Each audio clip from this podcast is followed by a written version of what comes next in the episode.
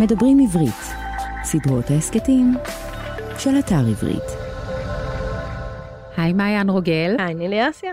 אנחנו uh, סופרות לאחור, uh, והיום בפרק uh, הרביעי והאחרון של העונה, פרק סופר חגיגי, אנחנו נורא מתרגשות לארח כאן באולפן את הסופר וחוקר הספרות יונתן שגיב, וכמובן האחד והיחיד שהגה את עודד חפר, החופרת. יונתן פרסם שלושה ספרים שבמרכזם החופרת, והספר האחרון שלו, יש אנשים שמדברים ככה, שיש לי אותו פה איתי, ואני מצפה מיונתן שיחתום לי עליו וייתן לי הקדשה אחרי זה. אה, הוא ממואר, שאני רוצה להגיד שקראתי בנשימה עצורה.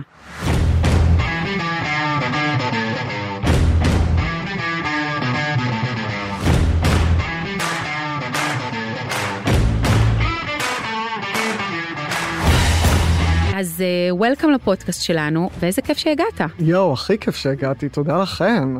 אנחנו נלשין שיונתן היה איתנו כאן בהקלטה של הפרק השלישי, וה... והשיחה על השליש השלישי, ככה שנראה לי שהוא מגיע עם מלא דברים, ואני רק מחכה לשמוע. יואו, כן, הייתי נוסעת סמויה.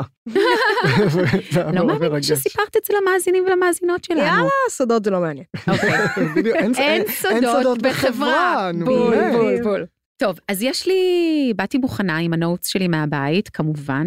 איזה כיף שאתה פה, ויש לי כמה שאלות אליך. קדימה, מזל שהבאת עותק, כדי שאני אוכל להזכיר לעצמי, כי באמת הספר נכתב כבר לפני הרבה זמן. כן, כמעט עשר שנים.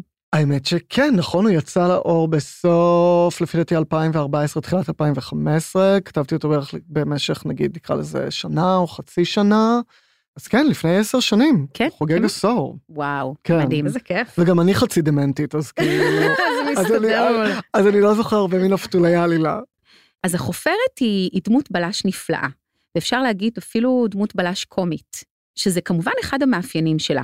אז השאלה הראשונה שלי היא בעצם, ממי שאבת את ההשראה כשבראת את חפר? בכל זאת, אין הרבה בלשים קומיים, בשונה כמובן מהבלש הקלאסי, הפילם נוארי, ההארד אני לא מבינה, את לא קראת את הספר, הוא שואב את ההשראה שלו מבנות הזהב. זה נכון. אוקיי, כלומר, אני מצד אחד אוהב נורא, תמיד אהבתי ספרי בלש וספרות בלש, ואני חושב שתמיד היה לי קצת חלום אמ, לכתוב אה, רומן בלש אה, בעצמי, אבל באמת, כאילו, לי לקח זמן לגלות את עצמי כ- כהומו, אז בוא נגיד ש- שבשלב הזה שבו גיליתי שזה מין שנות ה-20 והלאה, אני כזה late bloomer, כאילו נהיה לי נורא יותר המודעות באמת המגדרית והלהט"בית הזאת, שבה בעצם, רגע, אני לא רואה שום שיקוף של החברים שלי, של האנשים שאני מכיר, או שלי עצמי, בתוך uh, ספרים שאני מאוד אוהב. אלא אם לא נצלול אולי עכשיו ל- לקריאה ולניתוח ולפירוק של הספרות בלש הזאת, אלא הרבה פעמים, במיוחד בספרים הקלאסיים הישנים, אלא אם כבר ההומואים והלסביות והטרנסיות. וה- הם, הם, הם, הם בשוליים בעצם. בדיוק. הם לרוב אלה- הקורבנות או הם הרוצחים. הקורבנות. בדיוק, כל הקורבנות בדיוק, כן, הם תמיד, נקרא נכון. לזה במובן מסוים האחר הסוטה או האחר נכון. האומלל, כאילו. שזה בפרק הראשון, אם אני לא טועה, או השני, אנחנו מדברות על זה, על ההיפוך הזה, שאיך דמות הבלש מתכתבת עם התקופה שבה היא חיה, ואז בעצם אתה רואה שנעשה פה היפוך. כלומר, הבלש הופך להיות הגיי, ודווקא מישהו הסוטה האחר זה העשיר הלבן. נכון, בדיוק. עניין אותי לייצר את ההיפוך הזה בנקודות המבט, מדהים. ומה ההיפוך הזה בעצם יעשה לעלילה הבלשית. עכשיו, זה גם פשוט, זה מאוד הצחיק אותי גם פשוט. אגב, לכתוב את זה כ- כספר קומי, עניין אותי לכתוב בעצם ספר בלש, גם שיפרע את החוקים ויפרע אותם בצורה משעשעת. עכשיו, למזלי, אה, אני אסגיר פה סוד מחיי הפרטיים, זה שיש לי אה, חבר שהוא בעצם ההשראה לדמות הזאתי. וואו, כלומר, יש מדהים. לי חבר שבמובן מסוים המציאות עולה על כל דמיון. אה, עודד חפר הוא איזה דמות אה, ענוגה ו- ובתולית ו- וחיוורת לעומתו. ויום אחד, כאילו, הרעיונות שלי ספרים הרבה פעמים באים לי בשדות תעופה, ו- ובאמת הייתי בשדה תעופה, ואותו חבר בדיוק חפר לי, כאילו, ב- ב- ואין, לא הפסיק לחפור לי על איך השגתי ויזה כדי להגיע לברלין, ששם הייתי אמור לכתוב את הדוקטורט שלי, ובטיסה אמרתי לעצמי, יואו, מה אם אני אקח את הדמות הזאת, את החבר הזה, שלא מפסיק לחפור, שמדבר ב- גם בנשי וגם בגברי, שתמיד איכשהו האינטואיציות שלו הן גם נורא מדויקות וגם לחלוטין שגויות, ואני אצוק אותו לתוך כאילו עלילת. בלש. איך זה. יפוצץ את זה מבפנים? אוי, בטח. נהנית נורא. נהניתי נורא, האמת שבאמת, רואים, כן. רואים. חושבת שזה טריפ, זה טריפ. זה טריפ לכתוב כאילו ככה ולהצחיק את עצמך, וזה זה, זה מדהים. מסקרן לי, זה, זה האהבה הזאת וההנאה הזאת, זה יחזיק לך גם בספרים הבאים? כן, כן, כבר התווסף, כאילו, אני, כן אני חושב שיש בכתיבת הספר הראשון שלך משהו נורא תמים עוד. אתה לא חושב על ה... בסדר, לא שאנחנו חיים פה בהוליווד, כאילו, תמיד אחד הרגעים הכי עצובים בשבילי זה כשאני רואה סדרות אמריקאיות על, אה, על סופרים נגיד, ואז כזה, נגיד בג'יין דה וירג'ן, וזה, את הפריצה, ואז הם מקבלים כאילו מקדמה על כאילו 500 אלף דולר, ואני כזה, זה לא קשור למציאות בכלל, לא שלנו, אבל, אבל עדיין, בתוך הביצה, מעולה, אה, מעולה. בתוך הביצה הקטנה שלנו, כן, יש עדיין משהו הרבה יותר תמים בלכתוב את הספר הראשון, אתה עוד לא חושב על יח"צ, אתה לא חושב על תקשורת, אתה לא חושב על, על הייצוג ולייצג את עצמך ולהסביר את הספר ו- ומסלולי מכירות וביקורים בחנויות ספרים וכן הלאה. אז פשוט נורא נהניתי. ואז בספרים השניים כבר כן היה איזשהו יותר אולי שכבה של רגע, מה מצפים ממני, מה מצפים מהדמות, לאן אני רוצה לקחת אותה. אבל עדיין נורא נורא נהניתי, כאילו הוא חבר שלי, הוא דמות שאני אוהב, הוא דמות שאני כאילו נורא אוהב גם לצחוק עליה ולצחוק איתה, וכן מייחל לאיזה סוף טוב בשבילו, ו- ו- ואיך הוא ייבנה משם. אז um, היה לי גם מאוד כיף גם בספר השני והשלישי, אבל זה כן התחיל להיות גם יותר um, מאבק ושאלות, וגם כל הזמן גם איך לאתגר את עצמי ככותב. נכון, נכון. אמ, ויהיה רביעי? אתה חושב על המשך לחפר? אז בעיקרון כן, ואני כל הזמן עונה שכן, ייי. וה- והאמת שכבר יש אפילו במובן מסוים שלושה פרקים ראשונים, כל פעם אחת עם חקירה יא, אחרת. איזה כיף. כי אגב, מה שהזכרתם בתחילת um, הפרק השלישי, כל פעם העולם מתהפך. כל פעם כשאני מנסה לכתוב את החופרת הארבע, העולם מראה לי שאין גבול ל... לביזאר. אין גבול לביזאר, אין גבול לזוועה, אין גבול לשבירה, אין גבול ל... ל... ל... לגלות שלא ידעת כלום על העולם. מהמם. ואז כל פעם כשאני מסיים לכתוב את הפרק הראשון, אני כזה, אה, לא, זה לא העלילה שאני רוצה לחקור. אה, לא, זה לא העלילה האפשרית עכשיו. אה, וגם לי קורים דברים בחיים. אז, אז בעיקרון כן, ואמורה להיות טפו טפו אולי סדרת טלוויזיה, אנחנו תמיד... יואו, כן, אבל זה מדהים. תהליך ארוך, נראה. ברור. אז כאילו כל הזמן החופרת עוד חיה וקיימת אצלי במחשבה, אבל עוד נראה. הדרך עוד ארוכה. כן. יופי, אבל אני שמחה, אני שמחה שהיא. עדיין מתקיימת. תודה. אני קצת התאהבתי. אני איזה אני רק רוצה כיף. עוד, בגדול. די. ברור, אני. לגמרי, אני לגמרי התאהבתי בחופרת עוד, עוד אז, ב-2014. אתם נורא אהבתם כשבאמת דיברתם בכזו עומק ורגישות וקשב אה, ל- לדמות הזאת ולמהלכים שלה ולמסע שלה. זה מה שהיה לי חשוב, המסע מהמם. שלה, שזה היה נורא נורא אה, כן. מרגש וממלא מבחינתי, וזה נורא עשה לי חשק ללכת לשבת, יס! לכתוב את החופרת. הארבע. יאללה, כן, נו. זה איזה הזכיר לי. אני חייבת לשאול על העניין עם הלסביות. אני אוקיי, נדחפת. כן, כן, כן. יאללה, בואי ניכנס לזה. בוא ניכנס. חפר לא סובלת לסביות, כן, נכון? אוקיי. כן, שוב, כאילו, אוקיי. זה נורא הצחיק אותי. גם. אגב, דברים שמצחיקים אותי פשוט, ואגב, אני חושב שגם דרך אה, פשוט עודד, יש הרבה גם ביקורת שאני רוצה לפעמים להביע. על הקהילה ההומואית לדוגמה. עכשיו, אז כשאני גדלתי כאילו in, in my merry 20's ב- בתל אביב, כאילו, אז אני נורא אוהב לסביות, ואני כאילו מעריץ לסביות, גם זה סוג של איזה, איזה positive racism אולי שלא צריך להגיד, כי הרי מה זה לאהוב לסביות? אבל כאילו, אני... כן, אני מאוד אוהב לסביות ומעריץ לסביות, וגם כאילו רואה אותם בתור דמויות הרבה יותר, אני מדבר במציאות, אה, הרבה יותר אה, פורצות דרך הרבה פעמים, והרבה פעמים מהמם. הרבה יותר מחויבות אה, חברתית, אתית ואידיאולוגית לפעמים מה, מהקהילה ההומואית הנהנתנית, סליחה לכל ההומואים שם בחוץ, כמובן שיש מאיתנו גם כאלה שלוחמים. אבל הרבה מחבריי, או, או אני שם לב שהרבה פעמים רואה בקהילה ההומואית, יש לפעמים, לפעמים גם מיזוגניה, או גם איזה אנטגוניזם, ויש בין שתי הקהילות האלה לפעמים, אנחנו אמורים לעבוד ביחד, ב- באחווה ובסולידריות, אבל הרבה פעמים גם יש הם, מתחים. קלאשז. בגלל שכן, יש פה איזה, גם בכל זאת, אה, אספקטים או קטגוריות אחרות של הזהות שהם לאו דווקא בהלימה. מהמם. כלומר, הומואים לדוגמה נהנים מהיותם אה, גברים ומהפריבילגיות שגברים לפעמים מקבלים בחברה, בעוד שלסביות הרבה פעמים סובלות מדיכוי כפול, הן על בסיס נטייה. אני מסגביר פה את זה לשתי נשים, אז סליחה. אה, כאילו כולנו יודעות את זה, אבל אני אומר את זה כי אנחנו פה בפודקאסט.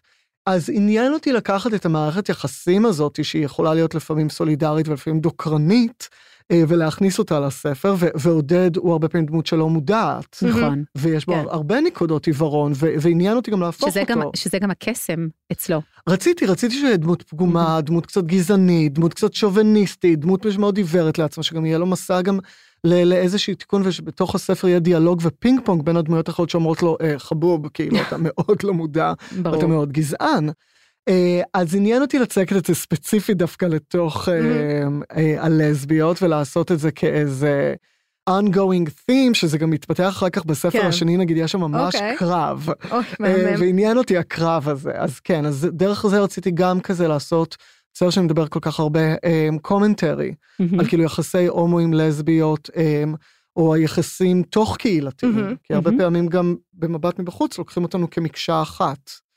והספר הזה בדיוק נועד לפרק הרבה מהזהויות האלה. אני חושבת שיש כאן משהו נורא חשוב ש, שהספר הזה עושה, זה לא ספר הסברה להט"בי. זה לא. לא. ספר שבא להגיד, הנה אנחנו ההומואים הנהדרים, אנחנו הלהט"ב הנפלאים, והוא גם לא בא לבוא ולהגיד, הנה רק הכאבים שלנו. זאת אומרת, יש כאן משהו ש, שאני חושבת שהוא אתגר מאוד גדול בכתיבה להט"בית, של להישאר בקול האותנטי והמורכב ו, ומלא השאלות, בלי לפחד ממה יגידו גם מבחוץ וגם מבפנים. תודה. אמ, זה היה לי, האמת, כן, זה היה לי מאוד חשוב. זה היה לי מאוד חשוב לנסות פשוט, אמ, כאילו, א', לכתוב דמות לא אפולוגטית. נכון. דמות שאולי, כמו שאמרת, ו- ובצדק, שיש בה אלמנטים של שנאה עצמית, יש בה אלמנטים עדיין של דיון ומשא ומתן, אבל היא לחלוטין מחוץ לארון, היא לחלוטין לא אפולוגטית, היא, היא לחלוטין כבר פוסט, לא רציתי לכתוב עוד נרטיב של יציאה מן הארון כן. וסבל, אלא משהו שהוא יהיה כבר אמ, כבר אחרי, אחרי. ברור. אמ, ובמקביל, להיות גם לא אפולוגטי על כן בכתיבה שלי עצמי. לקחת אהה. את זה כבר כנתון. מהמם. מי שרוצה יכול להצטרף למסע, אני לא מוסיף פה הערות שוליים, לא מוסיף פה כאילו כוכביות לכאילו למונחים ולזה, כאילו בוא, בוא פשוט נלך עם זה עד כן. הסוף ונראה מה קורה. אז כשאתה מחליט לכתוב ספר, אוקיי? מה הדבר הזה שמדליק אותך? והייתי שמחה לשמוע קצת על התהליכים. האם אתה בונה שלד ואז בעצם עוקב אחריו, האם יש איזשהו outline, או הכתיבה היא יותר חופשית? כלומר, תכניס אותנו רגע לחדר העבודה שלך. אמ, איזה כיף, אמ, זה שאלות מאוד טובות, הן משתנות כמובן מספר לספר. בואי נ- נדבר נראה לי רק על ספרי החופרת. שוב, הספר הראשון כמובן סוג של עומד בפני עצמו. זה קודם היה להגיד, אה, וואו, יש לי דמות של בלש, כאילו, אוי, אני אוהב אותה, היא מצחיקה אותי, היא משעשעת אותי, היא מגניבה אותי. ואז אבל אתה מבין, אוקיי, יש לי דמות של בלש, אבל אני חייב כאילו עלילה. אני חייב עלילה שהוא יחקור, אה, שזה האמת בא לי יחסית כאילו ביחד. אני, יש הרי בסופו של דבר כולנו, אתם יודעים, אתם כותבות ואתם יודעות את זה כמוני, אנחנו מכניסים את חומרי החיים שלנו אה, ברור. בכל זאת לספרים, הן בצורה אה, יותר מוסווית או פחות מוסווית. עכשיו, אני גדלתי בהרצליה, אני גדלתי בשכנות לכפר שמריהו, אני בעצם כאילו הייתי תמיד, אמנם ממעמד בינוני יותר גבוה מעודד, אבל לא הייתי אף פעם שווה לכפר שמריהו כמובן, וכשאני הגעתי לתיכון היה לי מאוד את החוויה הזאת של להבין פתאום מה זה אושר אמיתי, ומה זה לחיות ליד אושר אמיתי.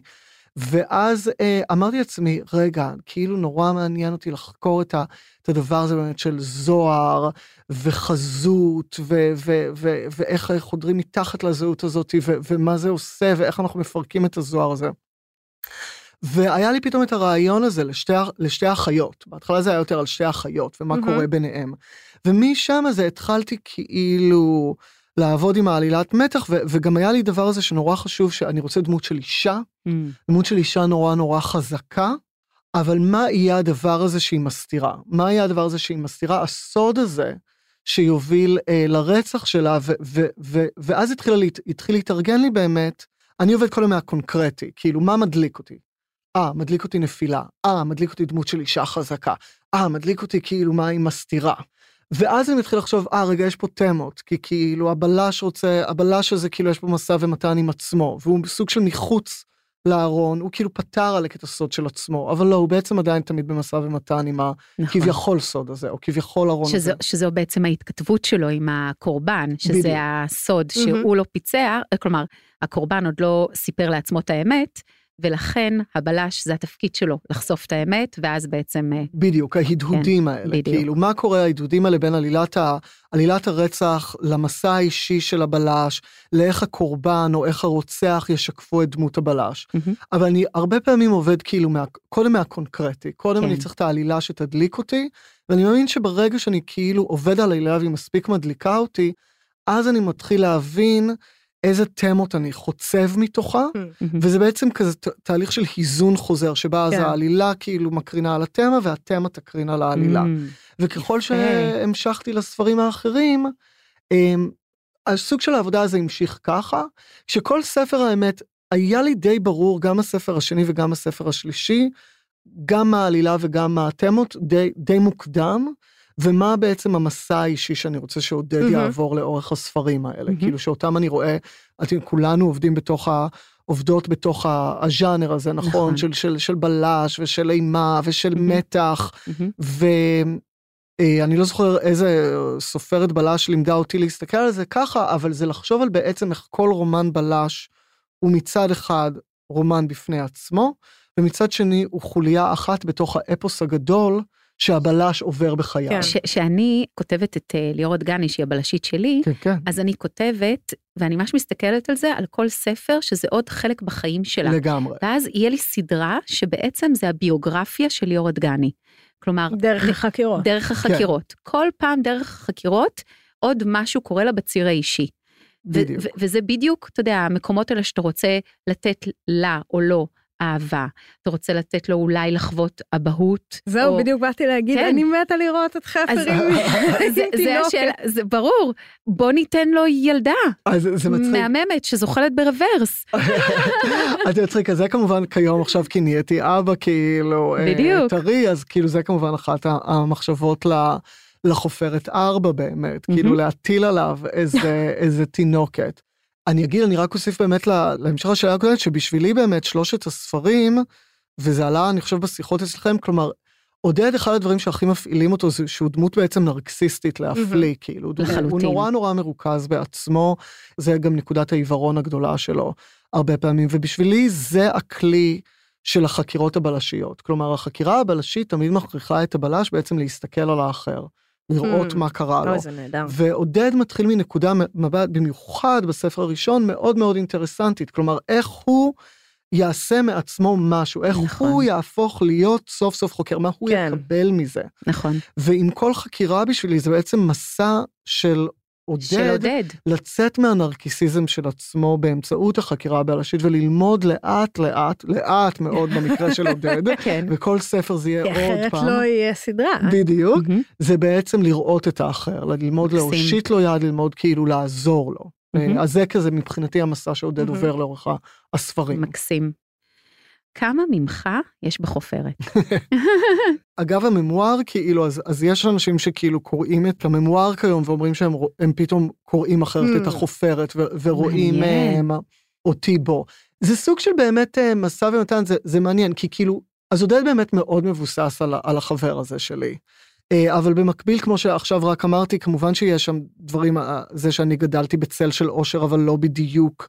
אה, שם, הרבה מהחוסר אה, ביטחון שלי, מה, מהקולות לפעמים הנוירוטיים או הדיון שלי בתוך עצמי, אני חושב שהם כן קיימים אצל עודד, אבל עודד הוא גם במובן מסוים מאוד האלטר אגו שלי, או, או, או תלוי מה, כלומר עודד יגיד דברים שאני בחיים לא אעז לומר, בין השאר כי אני כן חושב שאני יותר מודע ויותר אמפתי, אה, ופחות גזען ופחות שוביניסט, אבל גם לפעמים הוא כאילו אומר את הדברים שאני לא אעז להגיד.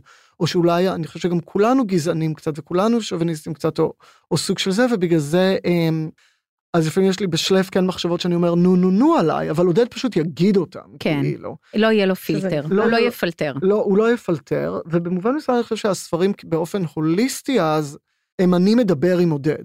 הם אני מנסה לנהל איתו דיאלוג. כלומר, עופר יגיד לו משהו שאני כאילו בריבים שלי עם, עם החבר שלי אומר לו, או מלכה יגיד לו משהו, אז, אז כאילו הס, הספרים בשבילי הם גם אגב היציאה של עודד מהנרקיסיזם שלו, הם כאילו דיאלוג קצת שלי עם עצמי, mm. ושל אולי צדדים יותר מודחקים שלי, mm. או אפלים שלי, או, או חשובים שלי. שאולי זה מה שכולנו עושים. זה מה שרציתי להגיד, כאילו אנחנו כולנו עושים את זה, בטח שבכתיבה ובדיאלוגים שאנחנו בוראים לדמויות שלנו. זה חלק מזה. כן, אנחנו, אנחנו מדברים עם עצמנו ועם חלקים uh, מפוצלים ומודחקים שלנו, ואני חושב שמה שמדהים בכתיבה ובקריאה, ואז גם באנשים שקוראים אותך, זה הרי הלא מודע זה, זה העניין, הוא תמיד יהיה הלא מודע, ולא נכון. חשוב כמה נעלה מהמצולות אל, אל אור השמש, תמיד יישארו המצולות. אז הרבה פעמים כשקוראים את הספרים שלך, קוראים גם אותך, ופתאום קוראים חלקים שהיית לחלוטין לא מודע להם. אפילו אגב במובנים, נגיד, היה נורא מעניין בשבילי לשמוע אתכם מדברות על, על הדיקה, כי אני חושב שלפעמים אה, כהומואים, נגיד, יש לנו כל מיני פנטזיות דווקא כאילו על רומנים, והם לפעמים כאילו, אתה לאו דווקא לפעמים מסתכל על גיל או על, או על יחסי כוחות, ואני חושב שגם לפני עשר שנים, mm-hmm. אני עצמי הייתי הרבה פחות מודע, אתם יודעים, זה עוד היה כן. רגע לפני טו כאילו, כן. הייתי הרבה הנה, פחות מודע. בהמשך לשיחתנו על איך הקריאה והכתיבה משתנה ממש. בתוך הזמן. כן, נכון. ולא חשוב כי כמה... כי אנחנו משתנים. כן. לגמרי, ולא חשוב כמה חשבתי על עצמי לדוגמה כ, כפמיניסטית או כמודעת וכחלק מהמאבק. המיטו נגיד בשבילי גילה לי הרבה הרבה דברים שכאילו לא הייתי מודע עליהם כי, כי אני לא יכול להיות מודע עליהם כי אני לא הולך ברחוב כאישה mm-hmm. ואז אולי כנשית אבל לא כאישה ואז אני חושב שהרבה פעמים נגיד המיטו או המהפכה של הקול המזרחי גרמו לי כל פעם לחשוב מחדש כאילו על העלילות ו- ושכתובים ועריכות והרבה דברים נכנסו לזה. אני מרגיש שמאוד התרחקתי מהשאלה המקורית. לא, לא, בשביל זה אנחנו כאילו, כאן. אבל בקיצור, כן, יש בצדדים ש- שהם שם. אני רציתי לשאול אותך על הבחירה לייצר את הרוצח מחוץ לסביבה, לסביבה הזאת. כן. בוא נחשוב על זה, יש לי כמה, יש לי כמה תשובות על, על זה. אני רוצה דווקא להתחיל מה, מהתשובה שתציג אותי באור לא טוב. אה, אני תוהה אם זה היה חוסר ניסיון. אני תוהה אם, אם כיום... שמה, כשאתה אומר חוסר ניסיון, אתה מתכוון ש- the easy, easy way out, כאילו להביא מישהו מבחוץ. כן, אני חושב okay. שיש אוקיי. הרי סיפוק לפעמים, סיפוק נכון. מיוחד, נכון, כשהרוצח מתגלה מה, מהחוג אה, אה, הכי קרוב. Mm-hmm. ואני חושב שאולי יש בבחירה ברוצח זה שפה עדיין עבדתי קצת יותר ברמה ה, של התמטיקה, mm-hmm. של התמות. כלומר, גם רציתי... להפתיע ונראה לי בדיוק ראיתי גם כזה איזה פרק שכאילו ראיתי שזה בעצם המזכירה ראיתי איזה פרק באיזה סדרה ואמרתי hmm, זה יהיה מעניין דווקא בעצם שיבוא כאילו אחרי זה וגם נורא עניין אותי שהרוצח יגיע כלומר בשבילי זה ספר שמאוד עוסק בחוזק וחולשה. וביחסי, וזה מאוד ניכר. וביחסי כוחות. כן. ובשבילי הרוצח בספר הזה הוא סוג של השתקפות של באמת הדמות הכי הכי חלשה. והדמות שלו יכלה לסלוח על הפגיעה שנעשתה בה. שזה הנקמה. כן. עודד לומד, אגב, דרך החקירה, ודרך תומר, ודרך העימות עם גיא מרום, mm-hmm. הוא לומד לסלוח. נכון. קרתה לו טראומה, קרתה לו טראומה דרך החבר, mm-hmm. שהתאבד, שהוא גם שיקוף של החלקים הכי חלשים של עודד, ובגלל זה עודד הוא כל כך דוקרני, והוא כל כך כאילו אה, רוצה להיות חזק, אבל זה חוזק שמגיע מפגיעות. ברור, זה מגננה. בדיוק. זה מגננה לחלוטין. בדיוק, ו- והוא לומד לסלוח, ומי שלא מצליח לסלוח בספר הזה, אגב, דברים שדיברתם mm. בשבילי, מי שלא מצליח לסלוח לעצמו בספר הזה, או חי בשקר כמו סמדר, ולעד יהיה במאבק עם עצמו, וגם אולי יוביל במובן מסוים, לא יוביל לרצח של עצמו, אבל ייצר את ההתנהגות הדורסנית הזאת, בגלל שהוא לא יכול, לא יכולה לסלוח לחלקים ה... שהיא שונאת את עצמה, או בזה לעצמה, או שהטמיעה את השנאה. אה, ומי שלא יוכל לסלוח, בסוף ירצח. כי נכון. כאילו לא יהיה לו דרך אחרת לתרגם את האגרסיה שלו. Hmm. ועודד לומד לסלוח, ו- וכאילו ככה הוא בעצם כן, ניצר. זה הגאולה שלו. בדיוק. Mm-hmm. אז אני חושב שזה קצת הוביל אותי לבחור במישהו שבחוץ, וגם איפשהו גם ניסיתי לייצר פה איזשהו גם, אה, אני לא יודע אם זה עובר, אבל בשבילי זה גם כאילו ספר על ה... במובן מסוים אני ארחיק לכת פה כמעט, על בכל זאת על ישראל ועל החלום הציוני. יש, יש איזה אה, חשיבות בשבילי לזה שאגמון מגיע לא רק מבחוץ של הדמויות, אלא מחוץ של ישראל, mm-hmm. במובן מסוים. כן, שהם הולך, עולים. בדיוק, כן. ו- ולא יש עוד את הפנטזיה של מהי ישראל, מהי ישראל כמו שלומדים אותה. וואו, מעניין, לא אגב, לא עלינו על זה. זה אגב דברים, אגב דברים משלי, אני כאילו אחרי הצבא נסעתי ל-Jewish camp, כאילו mm-hmm. להיות מדריך. אני זוכרת, סיפרת לי על זה. נכון. ושם כאילו, גם יש לי דודים אמריקאים כאלה, ו, ואתה מגלה איך בקהילה היהודית האמריקאית הציונות של שנות החמישים עוד נורא קיימת. נכון. ממש כזה להפריח את השממה. וישראל של 2014, שבה אני כתבתי את הספר, היא ישראל הרי קפיטליסטית לחלוטין, שבה אגב דיבור על התאילנדים, אנחנו כן. מייבאים כל דבר לעבודת חוץ, לכל מה שהיה פעם אה, ישראל. אז בשבילי, חלק גם מהזעם של אגמון וחלק מהרצח הזה של סמדר, ש, שבדיוק מייצרת את הדבר הזה, כאילו, את, ה, את השבר המוחלט של מה מדינת ישראל הפכה להיות, כאילו, מאיזה mm-hmm. עלק מדינה עם חזון סוציאליסטי של אדמה, לכאילו באמת... אה, ההפיכה של האדמה עצמה ושל הבניינים לאיזשהו שוק אה, מסחרי לחלוטין של קח ותן ושל כן. רווח קפיטליסטי. ו, והגמון כאילו זה גם חלק מהרצח שלו. אבל בקיצור כן, אה, החוץ הזה הוא היה קצת, כי עבדתי אני מרגיש מה, מה, עוד מהתמות ולא מהקונקרטיות כאילו של, של העלילה. אבל זה עובד, זאת אומרת. זה ממש עובד. כי, כי זה כן נמצא בקונקרטיות של, של חפר. נכון, נכון, ותודה על זה, ותודה שאת עושה עימי חסד. כן, אני חושב שבאמת הם, אמ, יש שם את ה... כמו שקראת נורא יפה, וזה דבר שכן עבדתי עליו נורא חזק, הדיון הזה של כוח וחולשה הוא תמיד אמ, הרוג בתוך הספר בדיון על נשיות וגבריות, ומה נכון. אנחנו מעריכים כ, כחוזק וכחולשה בחברה, mm-hmm. על מה אנחנו שמים את. החיובי ואת השלילי ואת החזק ואת החלש ואת ה, את הפגיע ואת החסין. זה גם מה שמייצר את המתח, גם בין הדמויות וגם בחקירה וגם בעלילה וגם אצל חפר. המתח הזה קיים לאורך כל הספר וזה בעיניי גם מה שמוביל את זה וגורם לך לרצות אה, להמשיך לקרוא. תודה. אה, אז אחרי שלושה ספרי בלש של החופרת, החלטת להוציא ממואר. מאוד אישי וחשוף שאני חייבת להגיד, ואני חושבת שגם כתבתי לך את זה, שבסופו הביא אותי לדמעות, ממש. הסצנה, ממש, הסצנה, שתי סצנות אחרונות, הייתי עם דמעות ורונן לא הבין מה עובר עליי.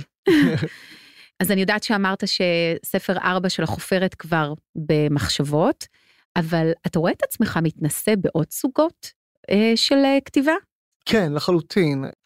אה, אז בעיקרון, עכשיו גמרתי, אני לא יודע מה יצא מזה, אבל uh, סיימתי לכתוב uh, רומן היסטורי, מין רומן yeah. היסטורי גותי. וואו, מעיין רוגל. מעיין. מעיין רוגל, כן.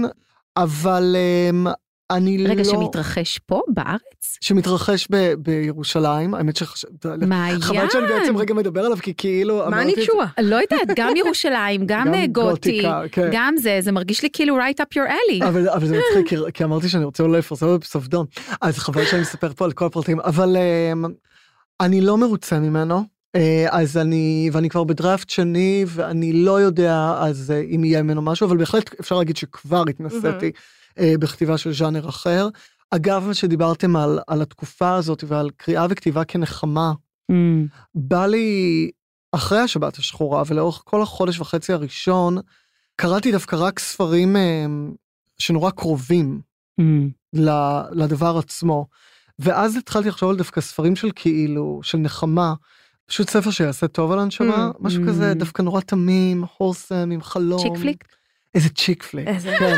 אני בתור, את יודעת, אגב בנות הזהב. גיי צ'יק פליק. לגדול, כן. בבקשה, כן, מעוניינת. בבקשה, כן, רוצות, רוצות, רוצות, כזה. כאילו, בדיוק, אז כן, אז כזה. right me up. shut up and take my money. זה כזה.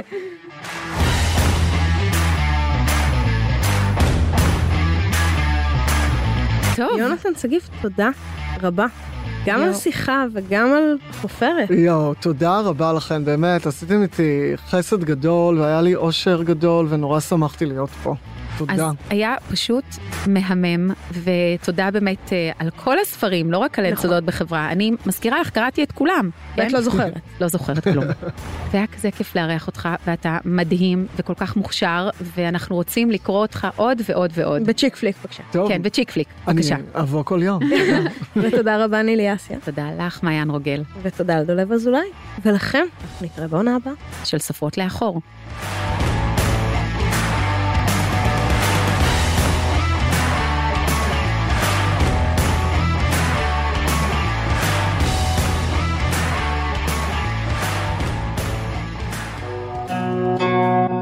האזנתם לדברים עברית, סדרות ההסכתים מבית אתר עברית, חנות הספרים הדיגיטליים, מודפסים והקוליים הגדולה בישראל. ספר זה וספרים נוספים מחכים לכם באתר עברית.